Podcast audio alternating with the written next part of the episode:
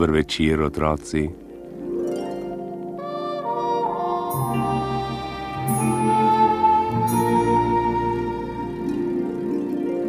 Nekateri šolari te dni že uživate na snegu, šolske torbe pa ste pustili v kotu. Kaj pa vi, ki še hodite po šolsko učenost? Oh, tudi vi ne boste ostali brez zimskega veselja. Za zdaj vam ostane spomin na zimske dogodivščine. Francek predlanskih zimskih počitnic ne bo nikoli pozabil. Njegov stric ga je odpeljal s seboj v veliko mesto. Podeželski Francek je z vedavim pogledom spremljal predmestne hišice, razmajene ograje in ni bil nič kaj navdušen. Potem je ugledal velikanske stavbe, ki so bile videti, kakor da segajo do neba. Z odprtimi usti je strmel stolpnice in jih primerjal s svojo domačo hišo na rahlo zasneženem griču. Visoke stolpnice so se mu zdele imenitne, vendar jih ne bi zamenjal s hišo svojih staršev. Na postaji ju je pričakala teta s hčerko Ano. Prebijali so si skozi gnečo in se ustavili šele ob cesti pri avtobusni postaji. Tedaj ga je trdo prijela za roko in ga vodila med množico pešcev. Zastrmel se je v luči, ki so spremenile barvo, in vprašal: A te svetijo še od novega leta? Stric in teta sta se spogledala in se nasmehnila. Mala Ana pa je na glas rekla: Fant moj, to je semafor, vidiš zdaj, ko je posvetila zelena, lahko stopimo čez cesto. Prečkali so jo. Na drugi strani ulice se je stric obrnil in pokazal: Zdaj, ko sveti rdeča, pešci ne smejo čez cesto, me razumeš? Francek je pokimal. Zardel je po vsem obrazu, ker tega ni ugotovil sam. Teta in stric sta pazila, da se mu ne bi smejala, mala Ana pa je skakala okoli njega in ponavljala, kako hudobni škrat: Novoletne lučke, pa res, pozabili so jih ugasniti, boš videl, še mnogo jih gori. Grenko srečanje z mestom še ni bilo pri kraju. Dospeli so do stolpnic, Na pločniku je bilo veliko golobov, Francek jih je zanimanjem ogledoval. Doma so golobom nasuli zrnja, tu pa se ni nihče zmenil za nje, kako so ti ljudje trdosrčni. V potovalki tovorijo kolač domačega kruha, to da ne upa si predlagati, da bi ga dali košček golobom. Jutri jim bo dal drobtin, je sklenil sam pri sebi. Stopili so v vežo stolpnice. Teta je pobrskala po torbici in zacingljali so ključi. Odklenila je vrata in stopila. Za njo sta vstopila še stric in Ana, z roko je hotela potegniti za seboj še Franska, ta pa se je uprl. Ne, ne gremo maro, to pa ne. Vendar so ga vseeno potisnili vanjo. Čeprav si je zatiskal ušesa, je slišal teto: Ta fant pa res še ni nič videl. Stric pa mu je smehljaje pojasnil: To ni umar, ampak dvigalo. Z njim se bomo odpeljali v sedmo nadstropje.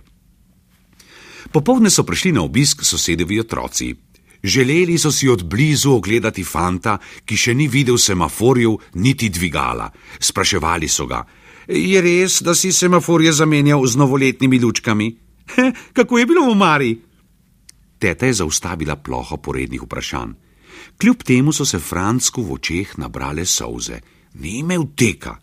Mesto se mu je zdelo zoprno in če bi mogel, bi še tisto minuto stekel domov.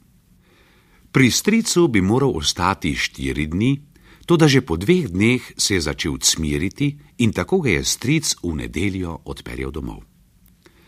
Doma je potihoma koval maščevalne naklepe. Sčasoma pa je na vse pozabil. Na neljube dogodke se je spomnil šele, ko jim je učiteljica v šoli razlagala o pomenu in delovanju semaforjev. Pri srcu mu je postalo britko mestnih sorodnikov tudi ni bilo blizu.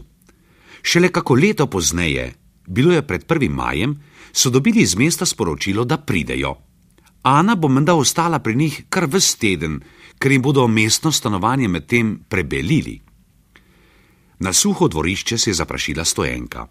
Po prvem pozdravu in obilni kmečki malici so posedeli, le Ana je tekala za mačko. Domačemu psu pa njeno tekanje ni bilo všeč in je z obmi malo zmiril kavbojke. Cvilila je tako hudo, da so morali ubogega pikija privezati čisto na kratko.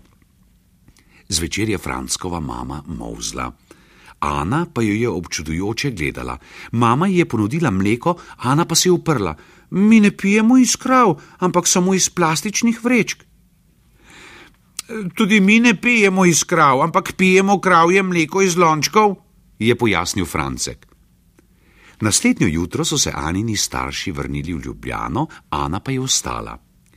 Franckova mama in oče sta se odpravila na polje, Francko pa sta ukazala naj pazi na piščance, da jih ne bi odnesle vrane. Ana je občudovala drobne rumene puhaste stvarce.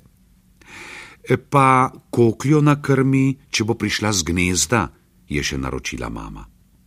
Čez nekaj časa si je koklja res premislila in zapustila gnezdo, v katerem je sedela že nekaj dni. Francek, kako pa iz koklje nastane piščanec? je vprašala Ana. Piščančki se izvalijo iz jajčk, koklja sedi na njih in jih greje s svojim telesom, jo je kot kak učitelj poučil Francek. E, misliš, da sem jaz bolj topla kot koklja? Mm, ne vem, najbrž si, se si večja. Bi se piščančki izvalili kaj prej, če bi e, jaz. Ja, kaj vem, poskusi, pa boš videla. Za drvarnico je zakrakala vrana. Ana je zlezla v gumno in sedla na jajčka, da bi se čim prej izvalili drobni, rumeni, puhasti piščančki. Ko pa je opazila, da so kavbojke vse rumene in da se lepljiva vsebina kurih jajc cedi po blagu, je zacmihala. Mama je zvečer Francku prisolila krepko okrog ušes, Ana pa je še vedno tulila zaradi zamazanih hlač. Francek ji je z veseljem povedal: Najn račun je zdaj poravnan. Jaz sem pri vas prvič preizkusil semafor in dvigalo, ti pa pri nas kokošje gnezdo. Vsaka šola nekaj stane. Sosedovi otroci pa so v vseh naslednjih dneh spraševali Ano: Anica, koliko piščancev pa si izvalila?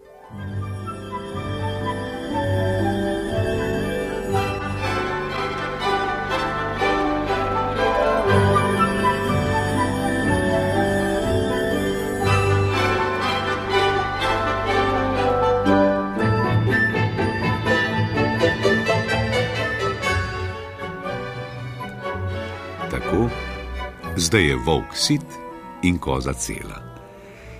Tisti, ki še ne hodite v šolo in imate kar naprej počitnice, se boste zdaj le zvalili v posteljo in nikar ne valite piščancev, k večjemu sanja lahko noč.